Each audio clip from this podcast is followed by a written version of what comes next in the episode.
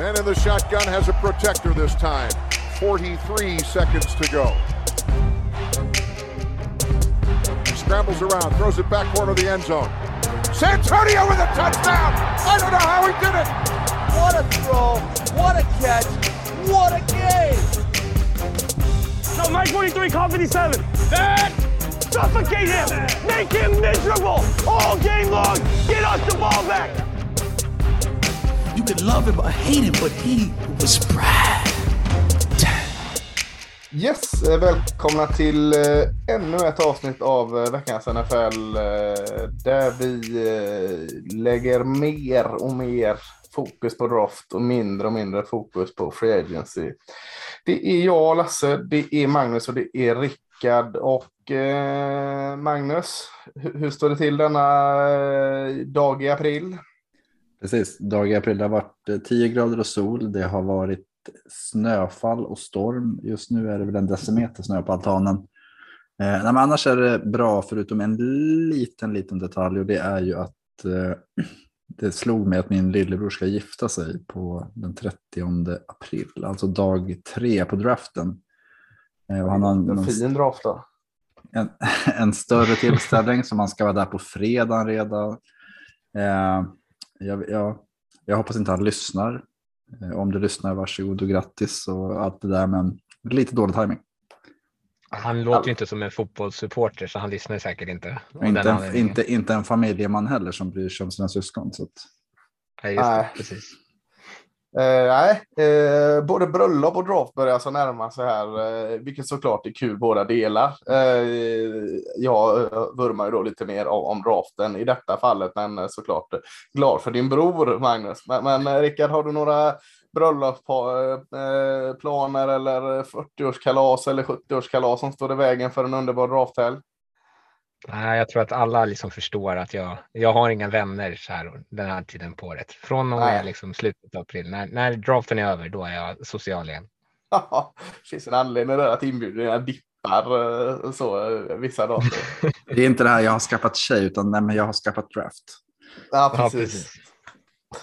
Ja, men, men eh, ja, som ni förstår så är det draft, draft, draft och mer draft. Men vi, lite free det har ju lugnat ner sig en hel del. Men eh, det händer ju lite saker. eh, Vi var inne på det förra veckan när vi började rabbla de här namnen som var kvar, att det viskades om Bobby Wagner och Rams. Och precis så blev det. Bobby Wagner signade på, eller Wagner, sorry, signade på ett, var det ettårskontrakt Magnus med Rams? Nej, det var väl ett fyra eller fem. va? Ja, så var det. Men, Men, eh, eh, mycket garanterat där det började. Ja, och sen så var det mycket incentive. Så att om, Mm. och jag tror han kunde tjäna 23 miljoner första året. Och grejen var att uppnår han alla incentives så har han möjlighet att bryta kontraktet. Och det är, det är mig vetligen relativt unikt ändå. Mm. Ja, han tog sin tid på sig att eh, få till en deal som, som eh, ligger honom eh, i fatet såklart. Eh, En bra spelare, det ska bli spännande att se honom i divisionen. Stannar han och, och han är från Mötas. LA också. är från LA för att möta sitt gamla Seahawks eh, två gånger då på, på säsongen. Men det, det finns en del kvar så känner ni att era lag inte har ryckt i någon än så finns det ett par pärlor kvar. De vi sa förra veckan minus Bobby Wagner. Då. Mm. Det, det man kan säga bara om just eh, andra, eller vi kanske är inne på tredje vågen av free agency, är ju att Mm. det brukar också säga en del om hur lagen bedömer eh, draftklassen. Mm. Att det finns ju en del corners, en del edge kvar och det är ju eh, två positioner som jag tror att många lag ser är väldigt djupa. Och edge ska vi prata om idag. Edge ska vi prata om. Vi ska också prata om insidan av defensiva linjen. Kalla den D-line, kalla den D-tackle, vad du vill. Men edge rusher, då pratar vi alltså outside linebacker och eh, defensive ends. Och så sen blir det väl en, en liten kombination där defensive end, defensiva tackle som vi, vi klumpar upp till D-line. Eh, men in, innan vi pratar, eh, pratar draft så ska vi prata trade, Rickard. Eh, Det skedde ju en här eh, alldeles nyss. En ganska stor trade mellan Philadelphia Eagles och, och New Orleans Saints. Vad vad var det som hände där? Ja, jag gillar för det första att jag har fått lite av sån här trade-expertroll här nu. Jag tog Mm. ju det förra veckan också. Men eh, ja, eh, Eagles skeppade, nu ska vi se, sitt Eh, första, ja, val nummer 16 och val nummer 19 i år och val nummer 194 i år till eh, Saints. Och Saints eh, gav då till Eagles eh, första rundevalet i år nummer 18, 101 eh, i tredje rundan och 237 i sjunde rundan. Men så fick då också Eagles eh, Saints första val nästa år och andra val 2024, eh, alltså andra rundeval 2024. Eh, så generellt sett kan man säga att Saints ökar sina, sin, liksom, sitt draftkapital i år eh, och så har det spekulerats om vad de kommer göra med de här två valen, om de kommer stanna på 16 och 19 eller om de liksom söker sig ännu högre upp sen. Och med Eagles så har man väl spridit ut eftersom att de hade tre val i första rundan i år så har man väl. Nu har de ju fortfarande två i första rundan i år och så har de sett till så att de har med, eh, ja, att de har två nästa år, att de liksom fyller på eh, och hela tiden har extra kapital i alla de här draften, vilket är väldigt snyggt gjort av Eagles tycker jag. Och de räknar ju med att Saints ska vara skitdåliga nästa år. Det tycker jag, alltså, det tycker jag är så tydligt. Man så här, vi släpper de här, de behöver inte ha tre val i liksom mitten av runda ett. Utan ja. Casha in på nästa år och sen hoppas att, vilka var det Dolphins som gjorde det med Texans va? Är det fortfarande eller med Tansil-traden eller? Ja, ja, men alltså de fick så här ett jättehögt val av det. Jag tror att Eagles tänker, många snackar om att Jalen Hurts, han får ett år till. Nästa år har Eagles kapital, förhoppningsvis ett, ett eget högt val som kan ta med, men annars har de sitt eget val eh, och kan liksom klättra upp. Så det, det är ju en väldigt kul trade. Utan ja, spelare. De hoppas att deras eget val är för högt och sa förhoppningsvis ett eget högt val. Det, är, eh, det kan de väl inte vilja nog. De vill väl komma på rätt håll nu. ja, men om de om Hurts är värdelös, ja. eller det ska jag inte säga, om, om han inte är den de hoppas han ska bli så kommer det märkas nästa år. När alla mm. lag, han har spelat över ett år, liksom, då kommer det vara väldigt tydligt att ja, vi behöver göra något annat och de kommer inte ha en framgångsrik säsong. Har de ett val som är topp 10, topp 15 tillsammans mm. med ett Saints-val som är topp 10, topp 15, då kan de ju utan att liksom mm. riskera hela världen eh, flytta ganska högt upp. Nej, men primärt tänker man då att eh, Eagles siktar in sig på att eventuellt kunna eh, ha kapital och ta en QB högt nästa år och att Saints siktar in sig på vad då? Är det en QB i år eller är det en eh, offensiv linjespelare eller vad, vad, vad tänker man här, eh, Rickard? Alltså jag vet faktiskt, det har ju pratats om att de är intresserade av den här offensiva linjeklassen. Eh, mm. Uh, om, det är ju konst, alltså det, ja, de kan ju inte räkna med att, det, att någon av dem ligger kvar som de vill ha på val 16. Så, och det är ju samma med QB. Om det är en QB de vill ha, då kommer de säkert behöva klättra upp lite till. Så det är väl det som gör spekulationen om att de ska högre upp. Eh, jag förstår ju kanske lockelsen. Man brukar säga att defensiva huvudtränare kanske ser problematiken eh, för ett försvar att ha en sån här supermobil QB. Så det finns ju kanske en tanke att de skulle vara intresserade av Malik Willis eh, där mm. eh, och då måste de ju upp. Men det, det som kanske talar för att det inte är en QB att de har. Nu tog de ju tillbaka James Winston eh, så, och ändå betalar honom helt okej. Okay. Eh, och nu tappar jag namnet på den andra Dalton. kuben som de har där. Var det inte Dalton? Hill ja. ja. Men, ändå, har de inte signat Dalton? Ja, men han är... Jo, men Hill, han, han snackar om att han ska bli tight end. Nämnas.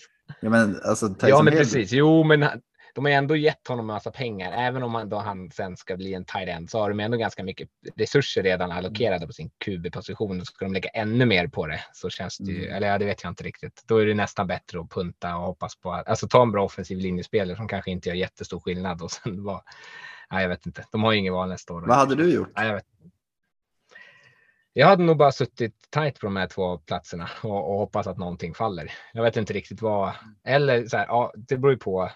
Faller någon spelare tillräckligt långt ner? Det är väl så jag tänker mig att de tänker, att de nu har lite mer lättillgängliga, för det är kanske lättare att trada två val i första rundan än vad det är att göra den här komplicerade första, tredje, sjunde, näst, ett, nästa, två om två år, traden liksom. Så att de är beredda att, så här, händer någonting så kan vi agera. Eh, men jag, jag, de har ju så mycket hål i den här truppen. Jag tycker inte att de är i, i position att hålla på och skeppa en massa draftval.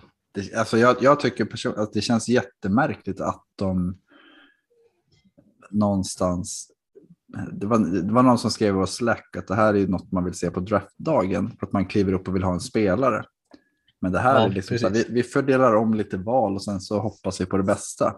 Alltså antingen så har de ju en tanke att vi ska klättra upp och så har de ändå sålt nästa års första val. Eh, så Men det var ju lite som när Jets, som när Jets gick upp och tog tredje, skulle trada till sig tredje valet. Ja, ja, men- ja, fast- fast här, ja, men alltså, ja, precis. Men så här, du har ingen aning om vad du... Alltså jag förstår att man kanske inte vill upp, men vad är det du vill upp till? Det vet de ju inte än. Mm. Så varför, varför gör de en sån här trade nu när de inte ens har en aning om vad det är för något de eh, liksom vill ha? Och Jo. det är väl det som talar för att de ska upp kanske till nummer fem och, och ha lite mer frihet. Liksom. Mm. Gjorde Eagles det här när de trade, visst gick de upp några val först? När de tradade till sig, eller när de gick upp tog Wentz sen. Och Wentz tränade de väl upp för att tog. Ja, men visst, med visst tradade de upp en gång först innan och sen en gång till. Jag kanske minns fel. Det vore ändå lite kul. Det är, att något, det är någon Eagles- som har gjort något sånt här. Ja. Jag kommer inte ihåg vilka, men det är möjligt att det var Eagles. Mm. Ja, men ändå spännande. Ja. Det, är, det är kul att det händer saker Mm. samtidigt som Ja. man så här i Det får gärna efterhand. ske lite mer sådana. Då får man göra om lite mockdraft och sånt. Eh, Kan man balansera nya mockdraft. Det är jättekul. Eh, och- Och du nämnde diskussion på Slack här Magnus. Mm. Och, och eh, får lyfta fram och, och eh, tumma upp alla våra härliga Patreons som stöttar oss eh, där ute. Grymt kul. Och, och vill du göra det, eh, vill vi såklart att du gör. Eh, men inget tvång. Så, så eh, finns det på patreon.com, säkert någon snedstreck NFL-supporter, så, så hittar du nog rätt. Eh, eh, inga våldsamma pengar, men, men det är kul. Då får du tillgång till Slack och prata sånt här eh, hur jäkla mycket du vill med folk som också vill prata om detta hur jäkla mycket de vill. Så eh, tycker jag absolut ni ska göra. Vi är väl inne på våran andra mockdraft för året, va? Visst är det så? Ja, inne på, på, På Slacken. Ja, Mm. och det kommer ju säkert bli minst en till. Mm. Så det, är, det är ju jäkligt kul och det är väldigt eh, givande i sina tankeövningar. Att det, det är ju verkligen så här, ja men jag, jag vet att det var, var det Simon som hade första valet nu. Jag tänker att de kommer göra det här valet, men det vore kul att se för det har ryktats om det här. Vad händer om, jag gör, om Jaguars väljer det här? Mm. Och det är, alltså det är, ja, det är väldigt underhållande faktiskt. Absolut. Eh, och när vi ändå puffar lite för grejer så, så nflsupporter. Vad fan har vi? .com, .se, vad har vi? .se. Jäkla bra jag ska puffa. nflsupporter.se, första sidan där så, så eh, hittar ni en hel drös som spelar inför draften. Jag tror vi var uppe i 216 eh, nu senaste uppdateringen. Eh, och där är såklart en rad av de spelarna vi pratar om idag också. Så att, bra. in och kika där. Jeffrey Gunter, eh, sista man. Ja, just det, från eh, Coastal Carolina. Ja. Eller från ja. Ja, Eh, Edge, ja. det vi ska prata om. Så. att- Mm. Han är inte med på topp 5-listan då kan vi redan outa om någon har en gammal. Nej, han är inte ens på topp fem om man räknar in dem i 50-tal. Så. Nej. Jo, det är. Eh, men eh, vi, vi hoppar in i draften redan nu va? Eh, I synd att och dra ut på, på det mer. Eh, om vi bara pratar om, om defensiva linjen, D-tackle, vi, vi puttar bort en sen lite här. Eh, klassen eh, som helhet i år, Rickard? Eh, alltså duglig, inget så här, inget, eh, det, det finns ju eh, lite stora snackisnamn kanske, men inte den här superspelaren eh, eh kanske som man har sett vissa drafts och eh, tycker jag att det faller av ganska rejält efter de första kanske, beroende på hur man värderar dem, men fyra, fem namnen. Så sen tycker jag att det är en ganska, ett ganska stort glapp eh, till en grupp spelare där bakom. Och, så, och då finns det en del spännande spelare där bakom. Eh, Ja, jag, jag tänkte säga att uh, om det är en, en position av eh, behov att du vill ha in en starter dag ett så får du nog slå till ganska tidigt i draften i Mm. år. Eh, Håller du med om det Magnus? Att den, den kanske inte är lika djup som vissa andra positioner eh, i årets draft. Jag tänker att eh, ska du ha en spelare som kommer bidra år ett så tror jag att man bör plocka den topp 50 i draften. Mm. Eh, Sen Ja, finns det ju alltid de här liksom som överraskar eller när man Absolut. hittar en perfekt roll. Men om du vill ha en spelare som är så här, ja, men du har varit här i fem år, då, då är det ja, topp 50-val som man ska investera i det. Ja, eh, precis. Men, men vi börjar eh, rakt ut ur, eh, ur den med eh, nummer ett på listan från Georgia. Jordan Davis som eh, blev en sjuhelsikes snack, eh, snackis efter eh, en sjuhelsikes combine. Eh, vad tycker du om honom Rickard? Ja, alltså. Jag vet inte om jag vågar prata om Davis. Med tanke på att jag har pratat om Vita Veja tidigare. Ja. Eh, men Davis är ju liksom ett, ett jättes, en, en, en jättestor spelare, en gigant eh, som är kanske huvudsakligen en eh, ett jävla plugg att stoppa för att stoppa springspelet och han är ju fantastisk på det och på combine så visar han ju en, en eh, övermänsklig, skulle jag nästan påstå, atletisk förmåga. Ehm, och han är svinbra på att eh, stoppa springspelet. Han är eh, stark, han är nästan, o, eh, liksom nästan omöjligt att flytta på honom. Han kan ta två blockers utan problem egentligen tycker jag och stå pall. Eh, han har en väldigt hög motor, eh, vilket är imponerande med den här stora kroppen att se honom så här, jaga ut spel ut mot sidlinjen. Eh, och med honom där i mitten så är det lite så som, man, som det är med Vita Weiback, så att det är typ omöjligt att springa upp centralt. Så att det tvingar många spel ut på sidorna och på så sätt så öppnar han ju upp väldigt mycket för resten av det där försvaret. Um, sen det som kan man kanske ska lyfta att det finns ett problem med honom då är ju att han testade på combine på en vikt som inte var samma som han spelade på under säsongen. Han, han var tyngre när han spelade. Eh, och han kommer behöva ha begränsade snaps och man, det finns väl frågetecken kring hur effektiv han kommer vara i så här pass rush situationer. Sen, han är ju så stor och stark att han kommer kunna pressa en ficka, men eh, det kanske inte går så svinfort. Eh, jag har honom att eh, kanske lite, jag vet inte hur högt ni har honom i och för sig så här poängmässigt, men eh, jag är, alltid lite frågande. Hur tidigt ska man ta en spelare vars liksom, styrka är springförsvar och där man kanske inte ser samma potential att han påverkar passspelet lika mycket när ligan mer och mer blir passningsorienterad. Nej, jag köper det här momentet. Han har en väldigt, väldigt fin bull rush mm. i, i, i, pass. Ja. Eh, jag håller med i, i, precis allt du säger om Jonas Davis. Jag tänker också bara stryka under det. Eh, var inte alltid det där jättehotet när det kommer till pass rush i college. Fick inte heller den uppgiften eh, allt för mycket. Nej. Vi har pratat om hur många Georgia-spelare som helst känns det som och vi ska prata om ett gäng här idag. Eh, han är ju en, en, eh, en eh, jag ska inte säga stark bidragande orsak, men bidragande orsak till att många av de här andra liksom är ett så het topic att han, som du säger, när han pluggar in i mitten och liksom mer eller mindre eh, tillsammans med en annan vi ska prata om löser den biten så, eh, så gör han ju sina medspelare så oerhört, oerhört bra. Men, men jag håller med om, om allt det du säger där. Jag vet inte vad, vad du vill lägga till Magnus. Jag vet att du gillar eh, Davis. Jo, men, nej, men det är ju, han, dels så du sa att han var väldigt stor. Han kallas Godzilla så att det är bara så att man får den. Det är så han är. Eh, nej, men han, hans styrka ligger ju väldigt mycket i att jag tycker han har den här liksom, du pratar om att han spelar på en vikt, eller testade på en vikt som var lägre än vad han spelade på. Men han har ju ändå den här liksom, lättheten i, i rätt saker för att kunna vara effektiv på pass men, men jag tror att Jordan Davis handlar väldigt mycket om om man tänker att ett lag ska spela 3-4 eller 4-3.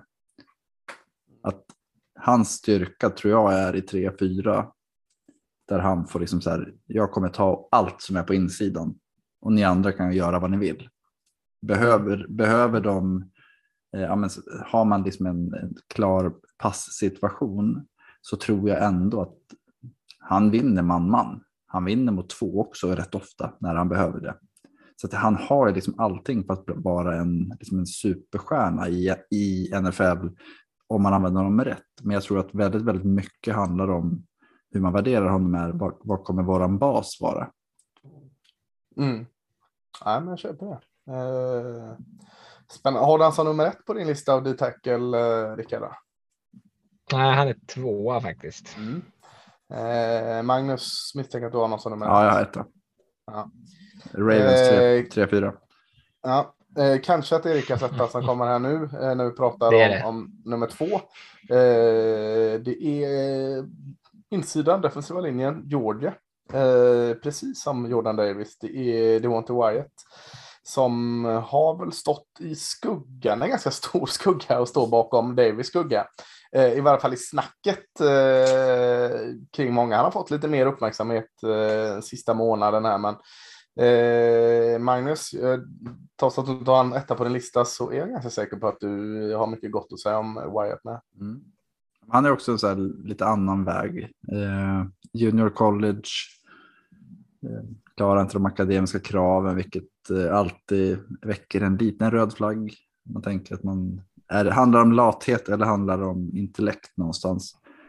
Eh, nej, men han har ju lite som Davis, en eh, tackle som täpper till, drar till sig bevakning, stor, stark, har power, eh, snabb och rörlig för storleken, explosiv. Han har ju liksom allt det här som, som hans kompis Davis har.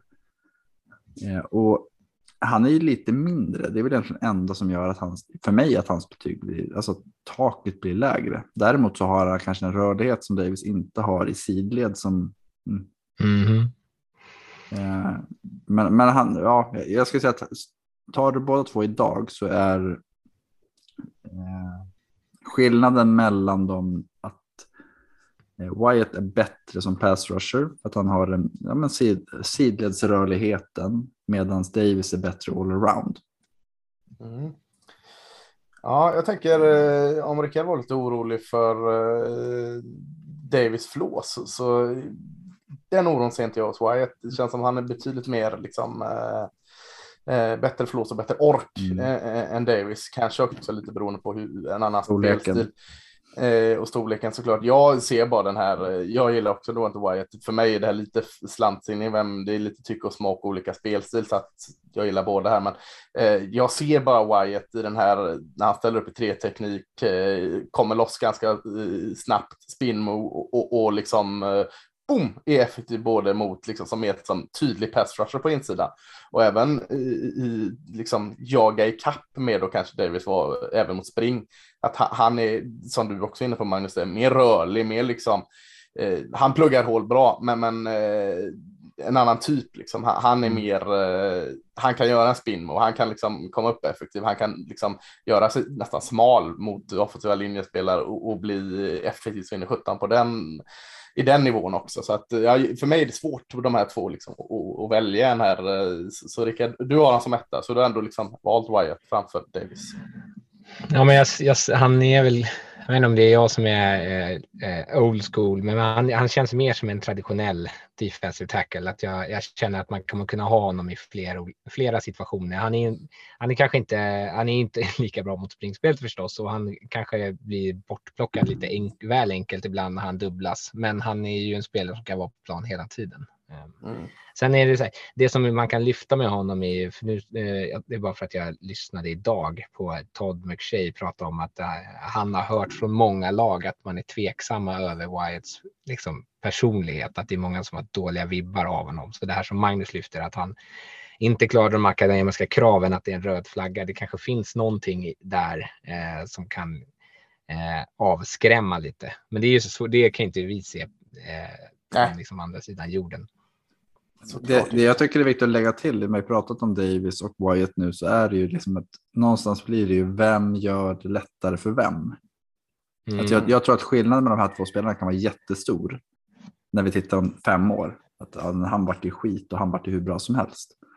Och det är ju där det kommer bli superintressant att se hur lagen bedömer det. För det, det, mm.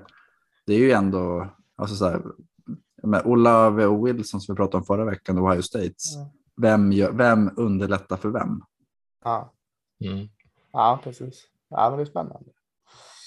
Trea på listan eh, från Alabama, D-tackle då, eh, Fidarian Mathis. Eh, Känns kanske lite som årets Barmore, behöver inte jämföra honom rent spelmässigt, men, men eh, en Alabama-spelare som successivt har roterats in på den här D-tackle-rollen och blivit bättre och bättre och fått mer och mer spelstil och kommer med fin storlek och längd. Och om du säger att Wyatt var en modern eller old school tackle så känner jag att det här är en modern D-tackle i, också i min älskade tre-teknik i NFL. Eh, du gillar också Mattis där, Rickard? Ja, eh, jag, jag satt och tittade på honom Eh, och så tänkte jag så här, fan, varför, det inte, varför snackas det inte mer om Mattis? Innan jag gick in och kollade era rankingar, så aha, shit, de, Lasse hade honom ashögt också. Då kände jag mig trygg. Eh, Vi har men- 79 båda två. Ja, båda ni. Ja, kolla, ni dem. Jag har inte hunnit skriva in mina eh, siffror. Sen har vi olika dator. bedömningar om vad som är bra och dåligt, jag och Lasse, så att det, det säger inget. Men I mean, han är ju så stor och tung tycker jag där. Eh, stark i mitten. Eh, gillar att han spelar med sån motor som han har.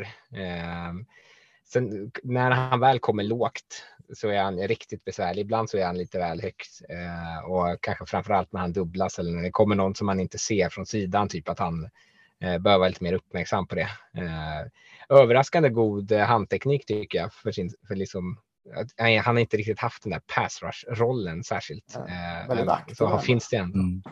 Ja, men precis. Eh, han kanske inte har så här svinhögt tak tror jag.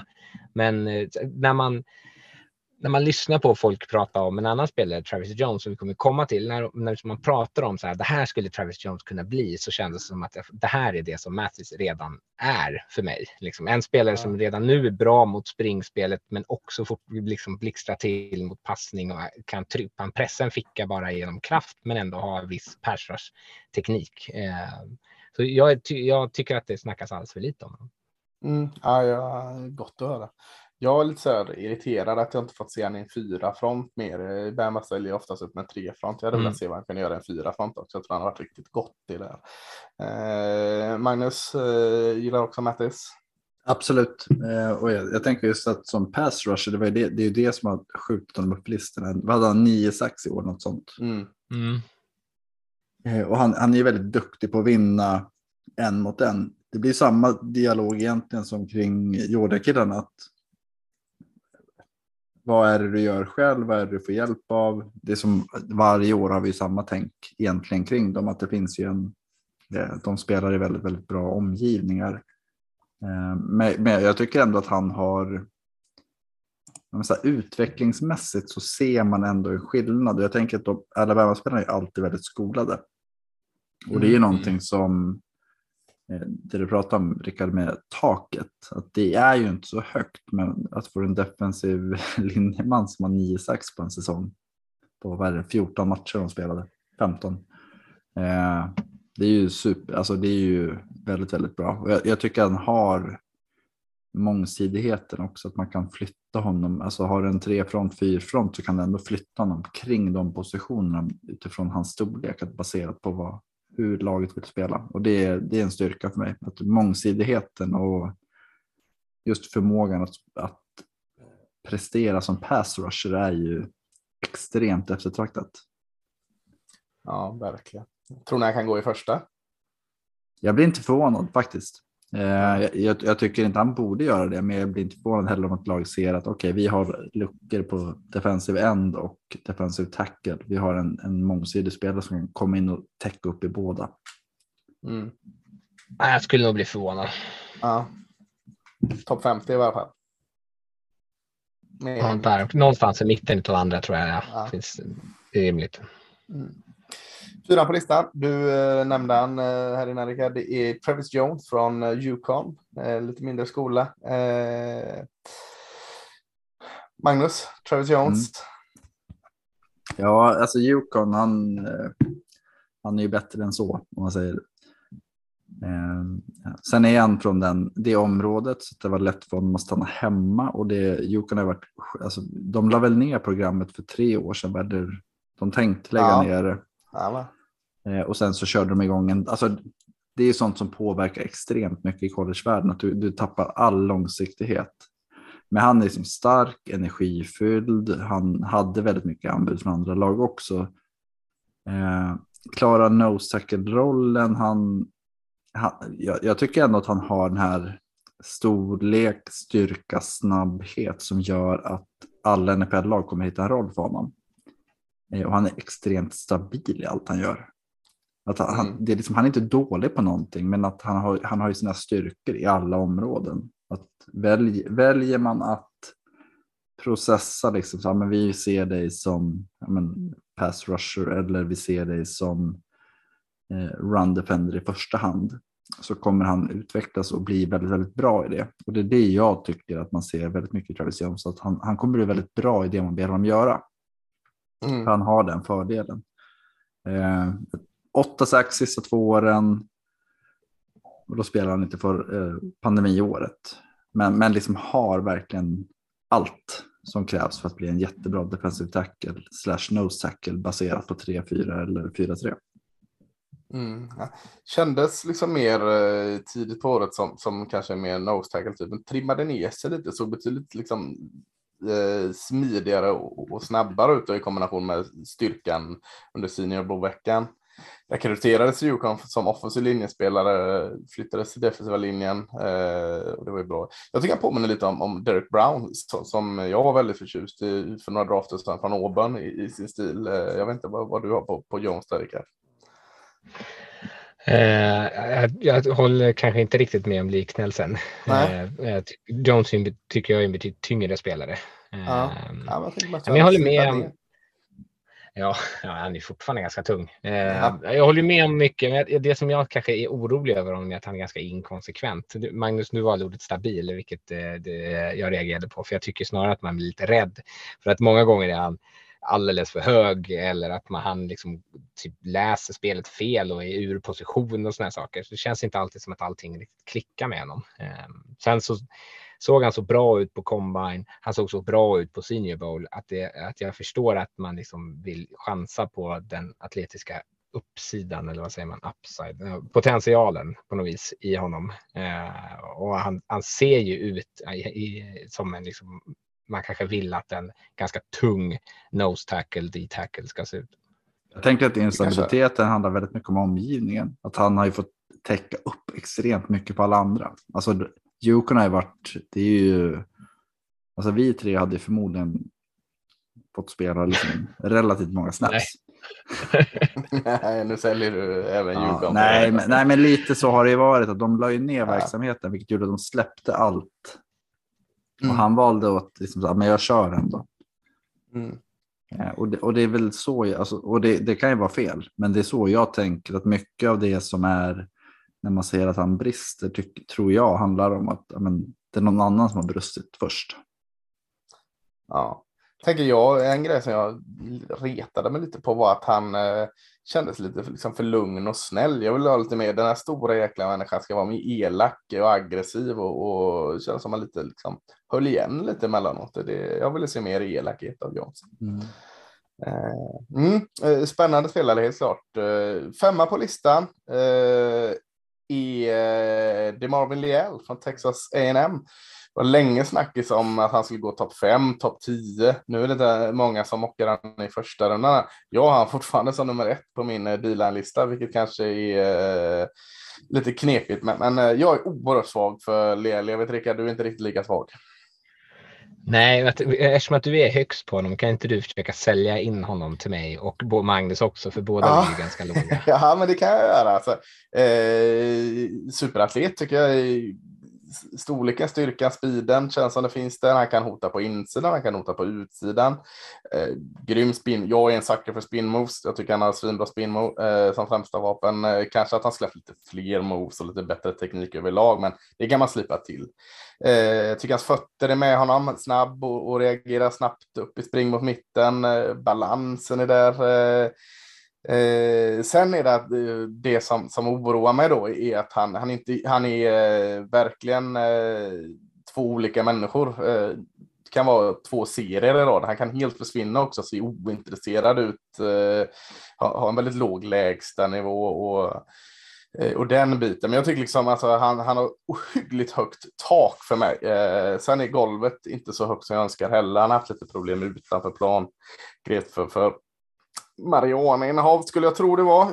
Jag, jag, de, de, de tänker väl legalisera det nu va?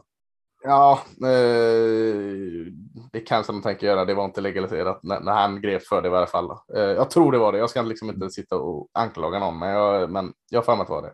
Så, så jag gillar hans potential så in i helsike mycket, men, men han har ett par detaljer, framförallt tekniska detaljer att slipa på och att liksom jag gillar inte när, när, experter säger det. Älskar han verkligen fotboll? Jag tycker det är uh, fel sätt att se på det. Men, men Jag säger inte det då, men jag säger att andra säger det. Jag kan, jag kan ta vid, eh, för jag har Ja. mycket, mycket av mitt, jag har ju honom ganska mycket lägre än vad du har i. Ja. Eh, nej men, det, det är enkelt att se vad, vad kan vinningen vara. Det är Ja. också enkelt att se vad kan förlusten vara. Alltså om man Mm, tänker ett första rundsval, andra rundsval. Att det är så här, ja, det var en kille som aldrig kom in på plan. Det är liksom där hans liksom golv Mm. ligger för att han, han var inte bättre än någon annan vid något tillfälle. Eh, jag skulle säga att det är den som har högst eh, bastpotential av alla i år. Samtidigt som han har en väldigt hög potential. Men jag tänker att det handlar om två saker egentligen. Det ena är hans toppar och dalar. Vad beror det på? Mm. Är man trygg i det och vet varför? Ja, men jag används fel och bla bla bla. Och det andra är just hur används du? Han spelar defensive end, han spelar Mm. defensive tackle. Vad är det som funkar?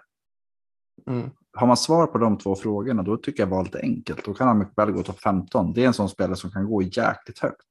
För att de Mm. känner att fan, vi kommer använda det där du vill. Men Ja. det ja, alltså han är ju spännande. Ja. Jag förstår att man kanske väljer en som är nästan lika bra men, men mer trygg eh, med sitt val eh, framför Liel. Kan förstå det. Vad säger du Rickard? Vad, vad, sålde han eller? Eh, ja, ish. Eh, jag är, eh, håller fast vid Magnus linje. Ja, men alltså, det är väl där. Jag förstår vad man kan få och ha- han ser ju extremt vacker ut att titta på. Eh, och det, man kan liksom fantisera hur han skulle kunna dominera. Men det är också väldigt lätt att se att han eh, aldrig bidrar. Och jag, jag tycker det är konstigt med den här typen av spel som du säger försvinner i vissa serier. Man glömmer bort att han är ens på planen eller att liksom hans eh, lagkamrater är liksom bättre än vad han är när han är så otroligt tydligt mer liksom fysiskt begåvad. Eh, och det är ju ett jättestort orosmoln. Mm. Ja, eh, ja men då, då har vi femlistan här. Vi har eh, nummer ett Jordan Davis, Georgia. Nummer två, det var inte Wyatt, också Georgia. Eh, nummer tre, Federian Mattis, Alabama. Nummer fyra, Travis Jones, eh, Yukon. Och nummer fem, DeMarvin Liel, Texas A&M. Fyra av fem SEC-spelare här. Eh, eh, starkt bidragande. Störst, starkast och eh, i draften i alla fall bäst. Ja. Mm. Ja, och, och eh, vi lämnar inte dit tackle riktigt än för att eh, vi ska ju lyfta fram varsin spelare till tycker jag. Rickard, vill du starta oss? Ja, alltså jag kan ju ta en spelare som jag är lite förtjust i, Perion Winfrey. Eh, Mm. Som eh, dels såg eh, kul ut på Senior Bowl och det var väl därför jag fick upp ögonen för honom. Men jag, jag, tycker, jag tycker också han ser rolig ut. Det är kanske dum, dum början på, men han. Eh, han är liksom som en tjur tycker jag, vilket jag gillar. Eh, och han spelar med en jättehärlig energi, en hög motor och han är stark som satan när han bara springer rakt fram. Eh, och eh, han vinner jättemycket genom att han förutser när snappen är och han liksom är i rörelse liksom långt före offensiva linjespelare är i rörelse, eller ja, hela den offensiva linjen överhuvudtaget är i rörelse. Så han exploderar genom hål. Det här resulterar i en flagger. Det får man ta, för det är ju så otroligt kul när han liksom bara bombar igenom och så står han där i backfield typ när eh, de, kuben lämnar över bollen till runningbacken. Han Det är flera sådana där spel som jag tycker är svinkul. Eh, och så är han liksom bara rakt fram svinbra. Eh, så fort kuben flyttar på sig när han väl kommer in i backfield, då är han inte riktigt lika effektiv. För det. Han är väldigt, väldigt, det ser lite ut som att han är på, eh, på en isbana eh, för att han är så långsam i att svänga runt. Eh, och han, ser han lite lustig ut eh, för att han är, har en ganska stor överkropp eh, och en ganska smal höft eh, och förhållandevis tunna ben då till sin. Han ser ut som en sån gammal en, en sån gammal tyngdlyftsgubbe som brukar finnas på Mm. gymmet eh, som tränar alldeles för mycket överkropp och alldeles för lite skippar överkropp. bendagarna. Ja, men precis. Eh, och så är han väldigt beroende av att vinna direkt. Men jag gillar den här typen av defensiva linjer, eller spelare generellt som det finns så här. "Ah, Här är en grej som du gör så otroligt bra att du kommer, att vi kommer hitta en användning för dig. Allt annat är liksom fine. Det, det finns liksom problem med att du plockas bort och att du inte har ett, ett andra liksom move att gå till. Men han gör någonting jävligt bra och det är att liksom explodera ur och förutse snappen och kan förstöra spel på det sättet. Det är din inre Al Davis som, som Mm. väljer att lyfta fram en Ja, det är väl det kanske. Fin, fin hommage där, helt klart. Ja, du, du gillar dina, dina defensiva tackles från eh, Oklahoma. Du var väldigt förtjust i Neville Gallimore där för några år sedan Mm. också. Ja, ja. Mm. Magnus, eh, har du ja, någon? jo, men jag, har, jag, har, jag, jag står och brottas mellan två stycken och jag, jag väljer ändå John Ridgway från Arkansas. Eh, Ta snabbt vem den andra det var. Du behöver inte prata om honom, bara så namnet vill jag. Josh Pascal. Ja, ja, Och, och de, han är väl kanske lite mer edge-ish. ja. Men eh, Ridgway är ju...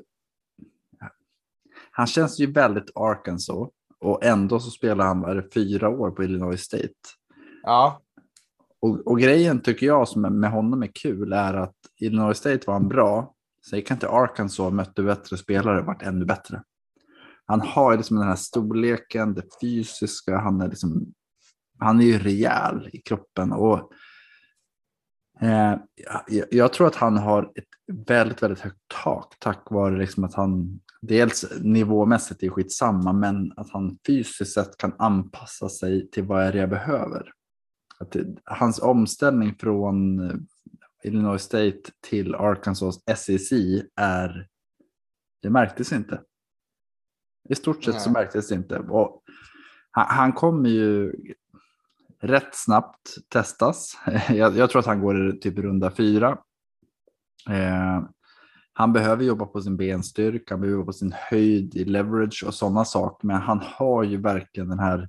Jag tror att han kan vara en allround spelare som kan vara inne hela tiden. Kan spela end, kan spela tackle. Om han liksom får de förutsättningarna. Jag, jag tror att hans tak är bland de högre som vi ser dag tre. Spännande. Kom ju från, som du säger, från lilla, lilla Illinois State och blev egentligen en ledare i det där försvaret eh, sin första säsong. Jättefin utveckling, helt klart. Eh, ja, jag såg du, du ställde frågan där, Rickard, eh, återigen i vår Slack. Vi pratar mycket om vårt Slack här nu, men eh, om vi skulle lyfta lite spelare och Kalle här önskar ju lite mer om eh, Big Cat Bryant från UCF. Så jag tänker jag lyfter honom. Eh, en defensiv linjespelare. För han var mest nyfiken på vad som gömmer sig bakom detta fantastiska namn. Big Cat Bryant är ju ett fantastiskt namn.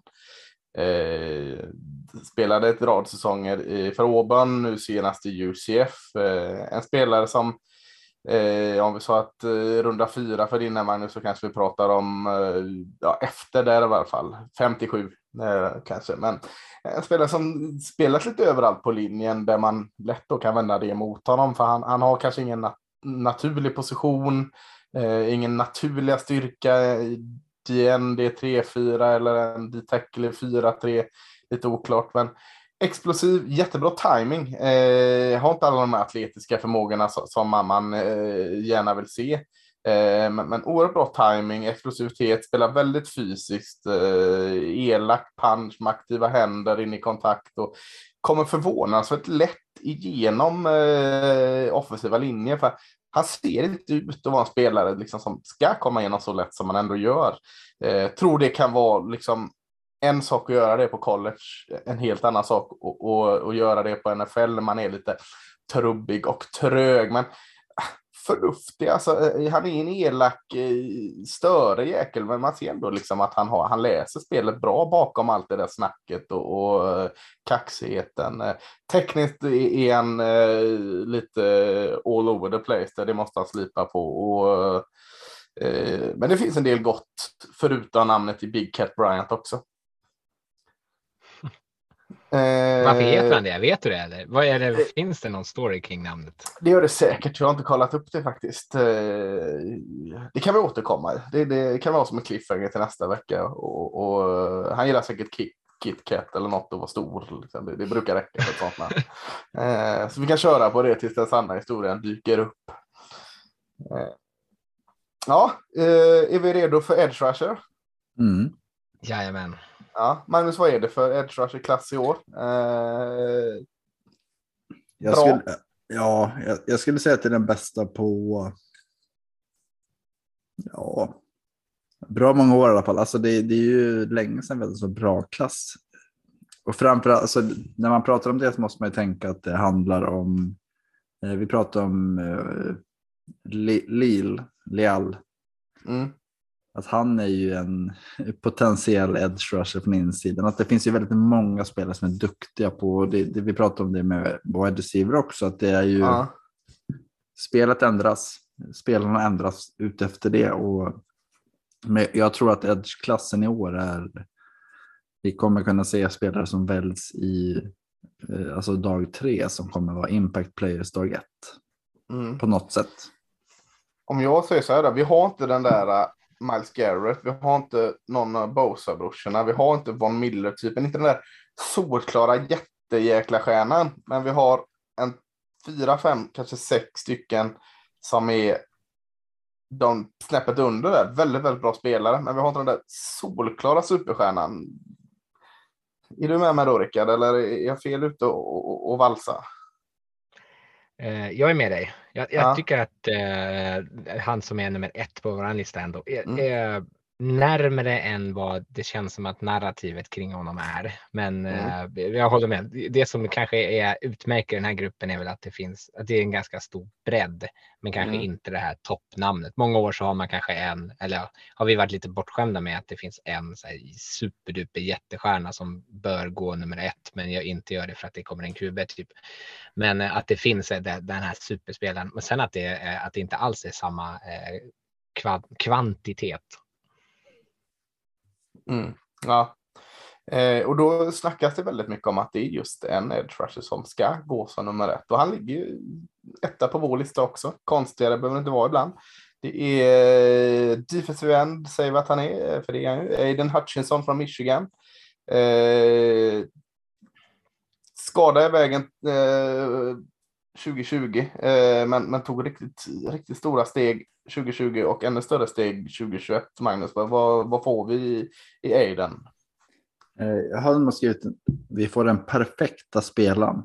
Ah, Och, och det är, ja, men han, han är ju verkligen den här, han har storleken, styrkan, han har farten, han har inställningen, han har liksom viljan att lära sig. Eh, och han är, det du pratade om tidigare, han älskar fotboll. Liksom han Ja. älskar att träna, han älskar att spela och tävla och liksom hela den här. Det är en ledarspelare och jag tror att det är det som har gjort väldigt mycket. Att han har ändå tagit ett Michigan som alltid varit bra, eller alltid, men relativt bra, till att ha ett försvar som är superbra. Han, vi pratade om honom för ett år sedan, inte i eh, draftpodden, men däremot i, inför det. Att, ja, men han kan ju gå liksom topp 30 någonstans där, att det var en sån Mm. spelare. Han valde att satsa på sig själv. Han åkte till, tillbaks till Ann Arbor och han spelade ett år till. Tog dem, Michigan till slutspel. Eh, och han har ju verkligen eh, fysiken, styrkan, storleken, inställningen. Det är någonstans det som krävs. Att han är ju... Skulle jag ha ett val topp fem så tror jag att jag skulle cirkla in honom. Att är han någonstans där vi kan välja så tar vi honom. mm, För han kommer ge oss en jäkligt habil spelare. Det är inte det där jättetaket om du pratar om Bosa eller... Eh, han kommer inte ha 25-6 ett år. Det, det är peppa peppa ta ett trä. Men han, han kommer kunna ha 10 varje år i sju år. ja. Och det är det jag tror det liksom är.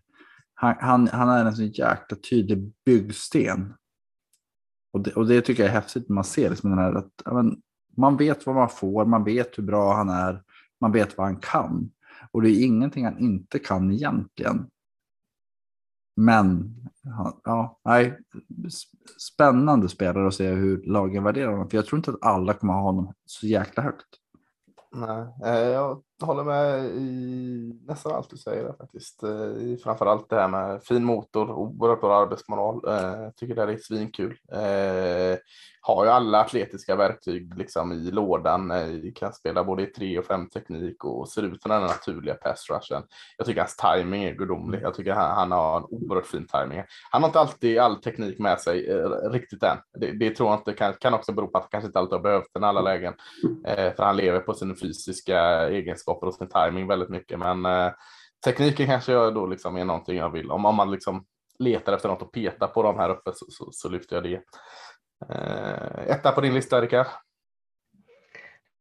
Etta på min lista.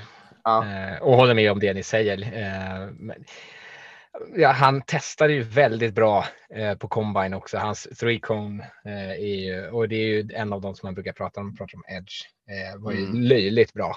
Verkligen, verkligen löjligt bra. Så man pratar gärna om honom som att det att det kanske finns ett visst atletiskt tak, men, eh, eller, alltså att, eller att en viss begränsning där. Men jag, jag tror att han kan fortfarande bli väldigt bra. Eh, Mm. Bäst när han bara kör fågelvägen rakt mot kuben. Eh, och det är det som gör att han kanske påminner om de här Bosa-bröderna. Eller JJ Watt. ja, men, men det är så här spelare som är duktiga på att vinna liksom insidan. Eh, han är kanske inte det klassiska snabba hotet på utsidan, men det, han är tillräckligt snabb för att kunna eh, liksom locka ut en tackle och så, så trycker han in på insida axel och så, så tar han den vägen och då går det väldigt fort. Väldigt mycket snygga spel av den anledningen. Eh, Men är väldigt lätt att gilla. Mm. Eh, tvåa på listan eh, är också defensive end, Kevion Thibodeau från Oregon. Det var väldigt länge snack om, ska man ta Hutchinson först, ska man ta Thibodeau först? Eh, nummer ett på den här 300-listan som presenteras varje år från high school-spelare. Så han rekryterades ju väldigt, väldigt eh, högt till Oregon där och, och har ju varit ett av de här givna eh, toppnamnen fram tills egentligen för någon några månader sedan där, där man har sett att han, folk har låtit honom falla lite på sina listor. Vad, vad, vad kan det bero på, Rickard? Det är väl så här. Ja, dels så kanske man ser en, en, eh, en motor som är varm och ibland kall på plan. Och Ja. sen så handlar det väl också om att man, han har ju en del på gång på sidan av planen med såna här NIL deals. Han har väl någon sån här reklamdeal med om det är Nike eller Adidas eh, och håller väl på med kryptovalutor och diverse grejer. Så det är väl typ sådana saker som kanske gör att Mm. folk börjar, man pratar om Hutchinson, att han är fotboll, fotboll, fotboll, så kanske folk börjar ifrågasätta vad får vi egentligen i Thibodeau som har andra saker för sig. Och vilket jag, jag tycker det är larvigt. Det känns som en överanalysering av en spelare som har eh, ett eh, liksom fantastiskt. Här är det ju ett extremt högt tak. Eh, verkligen. och eh, allt har kanske inte riktigt fallit på plats. Man ser det i spel stundtals när allting går rätt till och då är det ju eh, fotbollsmagi liksom. Eh, snabb, explosiv, quicker stance. Eh, kan stärka sin teknik en del. Han har ju förlitat sig väldigt mycket på att han liksom är det, eh, den bättre atleten eh, och vinner ofta med sin fart och kanske behöver bli bättre på att liksom svara på att han ska göra det. Men är ju liksom en eh, superstjärna in the making. Mm. Nej, jag håller med väldigt mycket. Jag, jag tycker eh, det är lite orättvist eh, liksom att folk har petat ner lite på Thibodeau. Eh, han har ju bara, jag har sett eh, sjukt mycket Oregon eh, av någon anledning, men han har ju bara spelat på defensiv linje. Jag skulle säga att han skulle säkerligen vara bra nära lika bra som i, en outside linebacker-roll också med, med sin Mm. spelstil och man får slipa lite grejer så, så han eh, kan passa in egentligen i alla system där. Vad säger du Magnus? Jag håller med. Jag, jag tycker att han är det, renaste prospe- prospektet när man pratar om talang. Alltså han kan ju. Han har ju varit liksom number one i tre år i stort sett. Mm. Eh, Jag, jag tror att det är den spelaren som flest lag tänker att honom vill vi drafta upp och ta. Om han faller. Mm. Man hoppas att han faller. Alltså, han har ju sån jäkla tydlig impact. Det handlar bara om, som, som Rickard var inne på, att han, han har ju liksom haft en impact utifrån sin fysik. Mm. Och det kan man någonstans skydda sig mot över tid. Man vet att ja, han kommer, han kommer liksom köra hårt mot den killen. Vi måste ha två. Men när han, lär man honom det så han kommer vara ostoppbar. Alltså jag, jag, jag kan säga Ravens, eh, alla Ravens forum är liksom så här. Är Thibodeau kvar efter fem val? Skit- Upp, upp, upp. Ja, upp för helvete. Mm. Det är liksom det närmaste Suggs vi kommer. Liksom han, är, han, är så ex, han har en sån jäkla förmåga att påverka spelet och det, det är ju det man vill ha med en edge rusher. Ja, Ja, men det är lustigt att säga det, liksom att det här kan ju vara en spelare som, för vi har pratat om att det inte är så många lag som vill trada upp den här draften. Mm.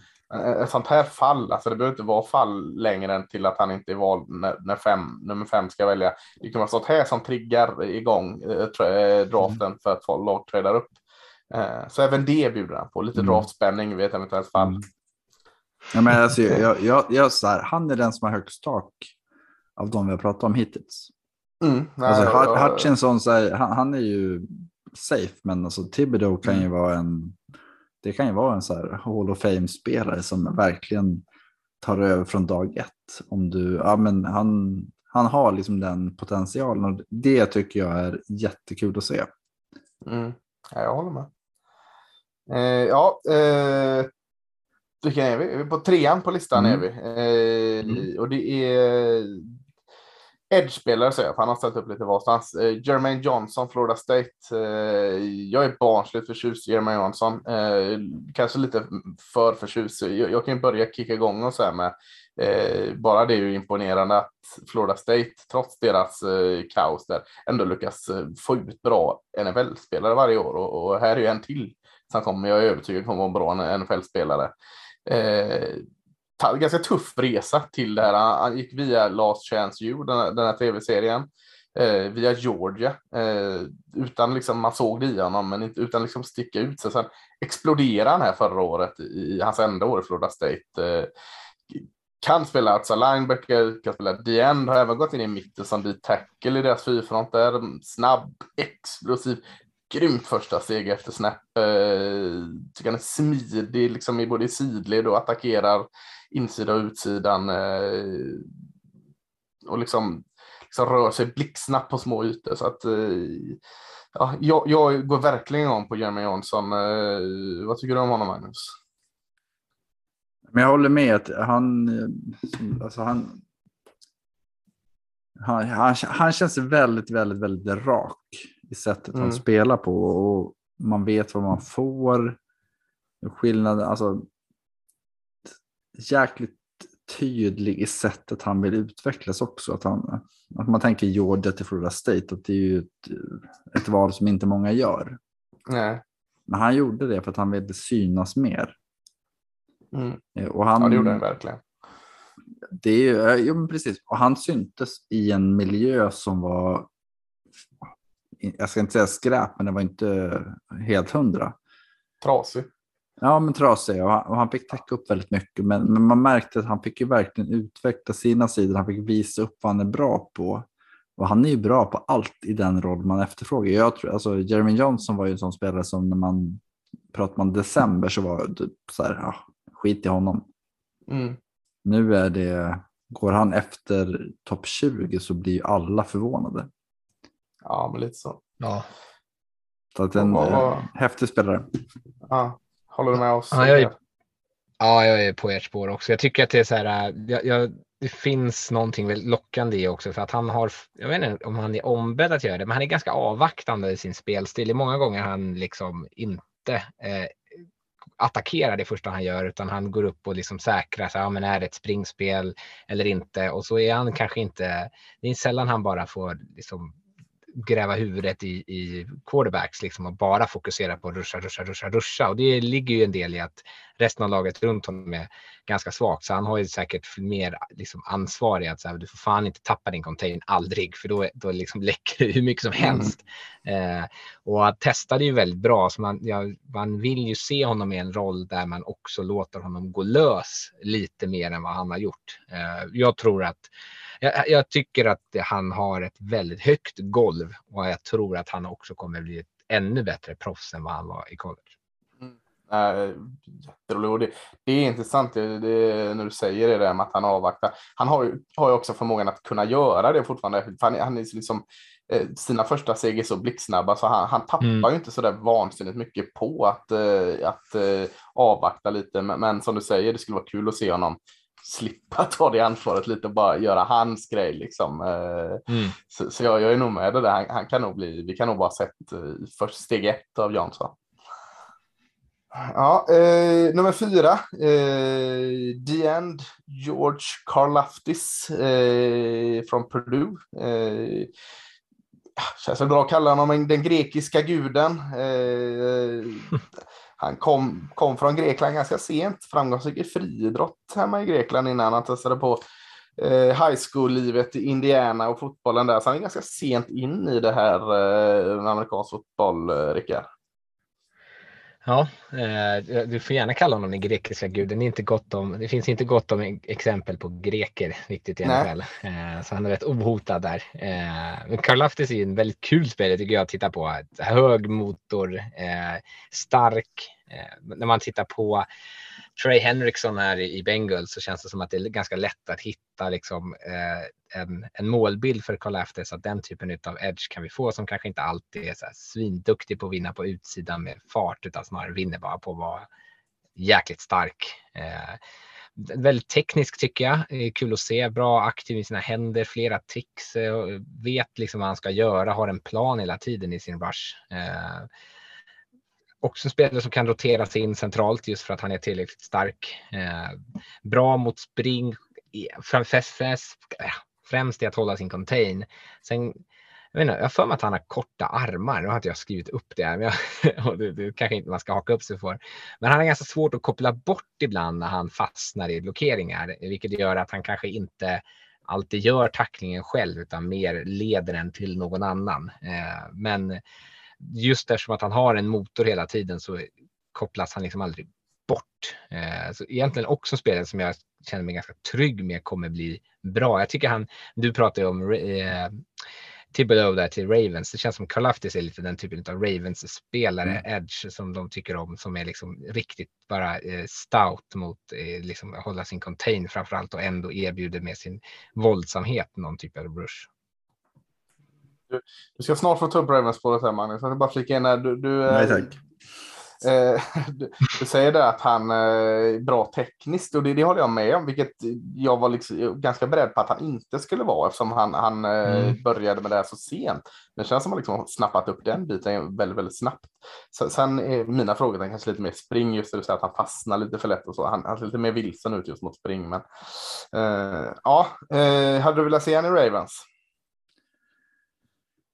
Alltså, hans problem är ju, alltså man tittar, han har ju också varit ett topp 15 pick tills eh, pro dayen och då var han lite mm. för långsam. Men hans, hans problem är ju inte att han är, är långsam första stegen utan det är ju över tid. Mm. Så ja, vill ni ha en 60 meters löpare, drafta inte honom. Däremot vill ni ha någon som kan vara effektiv över 5, 10, 15 meter så är han ju jätte, han är explosiv och duktig på det. Så att Eh, absolut, jag, jag, tror att det jag, jag, som Rickard säger, jag tror att han kommer bli en väldigt bra spelare i NFL. Mm. Femma på listan är eh, edge eh, Trevon Walker från, från, Georgia. Äntligen fick vi en SSI här. Det tog fram till femteplatsen här faktiskt på edge Det var skönt att få lite annat. Men, men eh, Trevon Walker, Georgia, eh, atletisk pass rusher eh, som jag vet att eh, Magnus du gillar eh, mycket så att inte mm. du kickar igång och med, med Walker. Eh, han är ju svår utifrån att nu börjar folk prata om honom som runda ett val nummer ett. Att han ska, ska gå så jäkla högt. Eh, nej, men, samma där, han, vi pratade om Wyatt och Davis och han har ju haft en jäkligt fin omgivning. Nakobedin ska vi prata om nästa vecka som är hans linebacker bakom. Och, eh, nej, men Trevor Walker är ju den här atletiska edgen. Han är så här, prototyper för hur, hur man ska se ut tillsammans med den explosiviteten som krävs och tillsammans med liksom hela förmågan att göra saker utifrån den rollen. Han har ju varit väldigt, väldigt bra i sitt bästa. Alltså det, det är ju eh, power i allt han gör. Han har en effektivitet i sättet han tar, alltså när han närmar sig bollbärare. Han har eh, förmågan att slå sin spelare fast de tycks veta vad han ska göra. Han är inte jätteeffektiv på utsidan, men han är, han är liksom den här men game changer och det är väl det jag tror att många lag ser. Att någonstans mm. så kommer han ha en, han har en atletisk förmåga, explosivitet, hela den, liksom, det paketet som gör plus Georgia-skolningen med Kirby Smart, att han, han, Eh, rollen är enkel.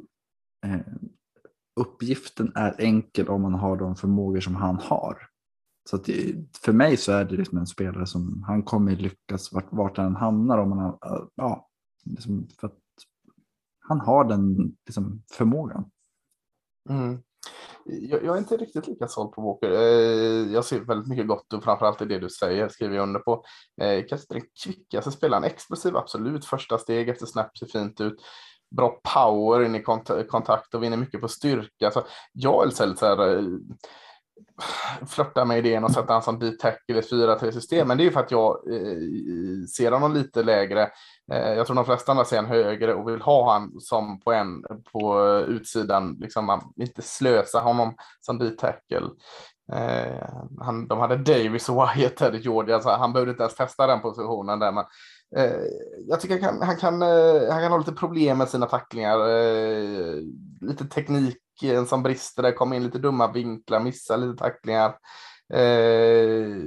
Så tekniskt är det liksom, mm, och så skrämmer det mig lite att han hade alltid det som du säger. Han såg jättefin ut.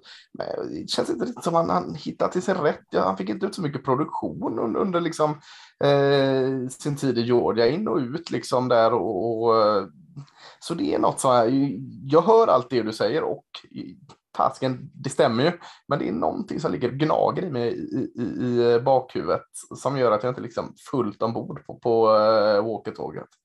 Ingen Cameron uh, Thomas. Uh, vad sa du? Det är ju ingen Cameron Thomas. Ah, inte fullt ombord på Cameron Thomas heller. vad, vad, Rickard, vad, vad Walker? Vad, vad står du och stampar? Ja, jag är i ditt läger tror jag. Alltså jag förstår, jag ser ju och jag förstår potentialen, men här är det ju, man måste ju få reda på varför han inte har varit mer produktiv. Och det är så här, ja, han har ju haft en ganska konstig roll där i Georgia. Att de har liksom använt honom i lite allt möjligt. Han har fått ganska mycket ansvar i, i liksom springspelet. De har också haft honom, vilket ser sjukt ut när han droppar bak i pass coverage. Och han är liksom bara 270 pounds typ. Eh, och det är ju inte bara så här någon rolig grej då och då bara för att chocka utan han har ju verkligen fått en uppgift och han är ju ändå atletisk nog att kunna röra sig hyfsat bra där. Eh, men det är så här. Jag är, är lite halvdum i huvudet eh, och Kirby Smart är långt mycket smartare än vad jag är. Eh, och om liksom de inte hittar ett sätt att använda Walker på som jag tänker så här, han borde bara spela edge. Varför fan inte bara vara där och dominera? Och om de inte liksom ser den spelaren, då blir jag så här, ah, vad, vad är det för något som de vad är det för något som gör att de tvekar? Eh, det, visst, det finns andra bra spelare, men ska man väljas nummer ett i draften eh, ska man fan vara väldigt bra. Då ska man kunna konkurrera och ta en startplats som defensive end hela tiden oavsett. Och då är det så här, Georgia fans har skrivit till mig när, när jag har ifrågasatt det här på Twitter så har ju folk de kommit i, i, i drösar och bara det är inte systemet, det är inte hans roll, det ska han inte göra. Fast är han tillräckligt bra, ja, då skiter jag i vad han borde göra, för då borde de göra om hela systemet för att han ska kunna göra det han är bra på. Eh, och så det tycker jag känns oroväckande. Mm. Men för, innan vi går vidare härifrån, vem pratade vi om nyss? Ja. Eh, vem, vem pratade om nyss? Trayvon eh, Walker?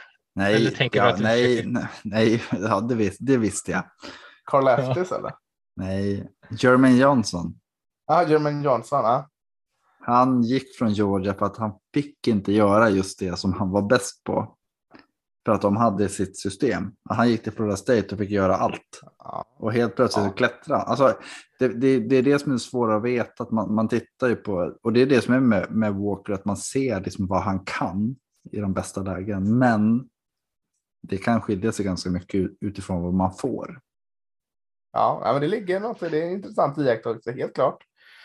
Helt klart. Eh, ja, jag Ser du han som nummer ett? Eh, nej, för, herregud. Nej, nej. nej. Jag, nej. Alltså, jag ser honom som edge 3-4 kanske. Ja. Går han mellan 10 och 20 så är det ju liksom som det ska. Går han ja. innan det så tycker jag att det är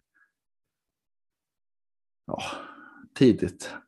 Ja, ja men det, är, det är ett spännande spel. Helt klart.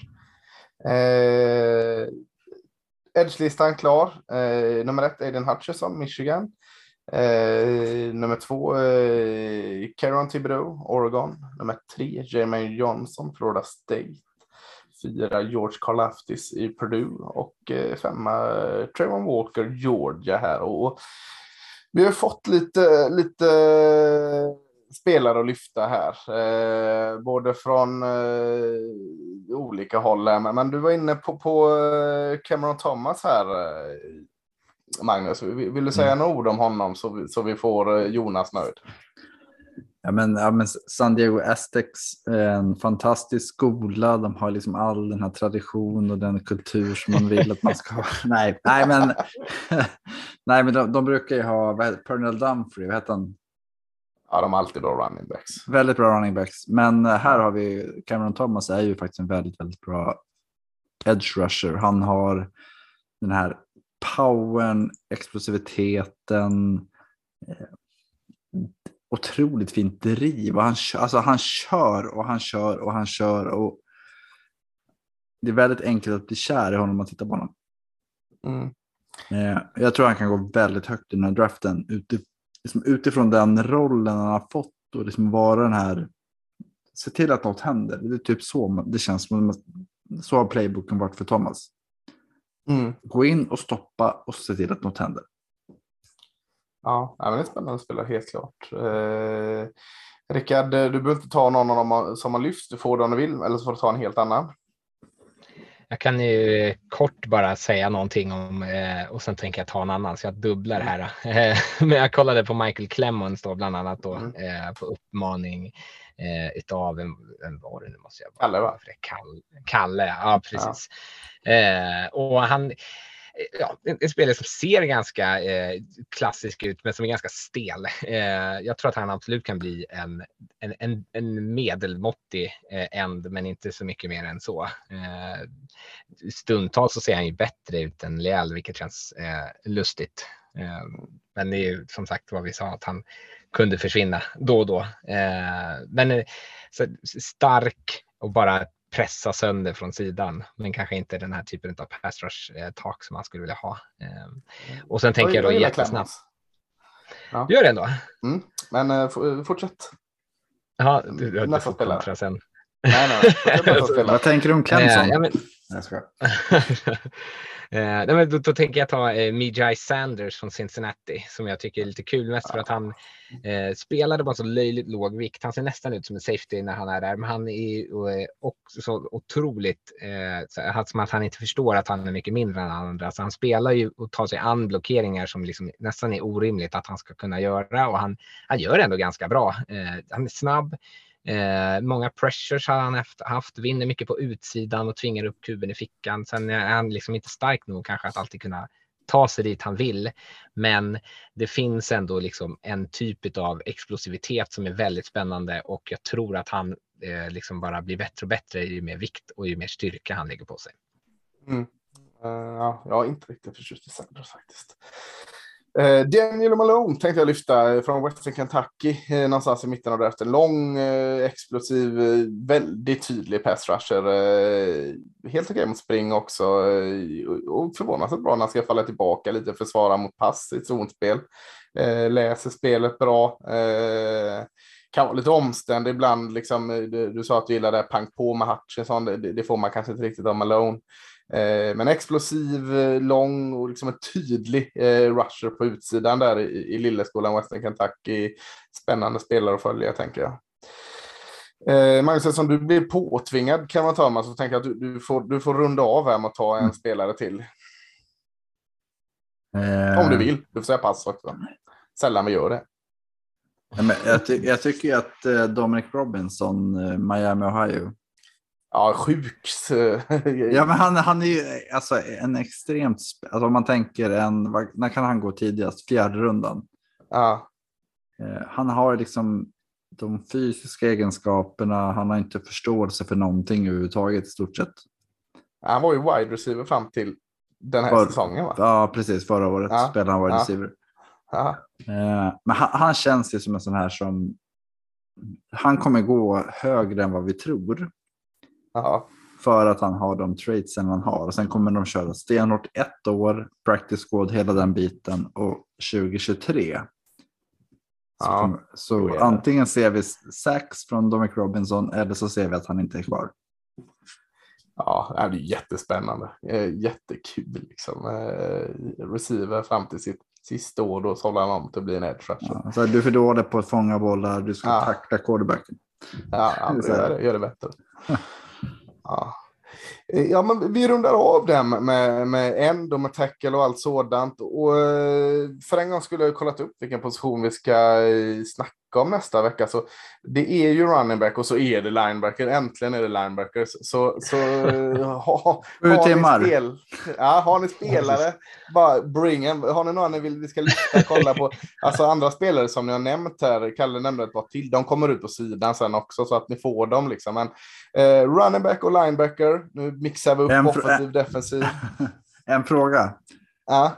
Eh, James Skolsky, kommer han pratas om? Nej, absolut inte. Du får inte en Clemson-spelare där tyvärr. Nej, han är ju typ tredje rundan max. Ja, knappt. Ja, men, men eh, vi ska inte börja med linebacker än, utan vi säger eh, tack för denna veckan och så syns vi om en vecka. Tack och adjö. Hej då.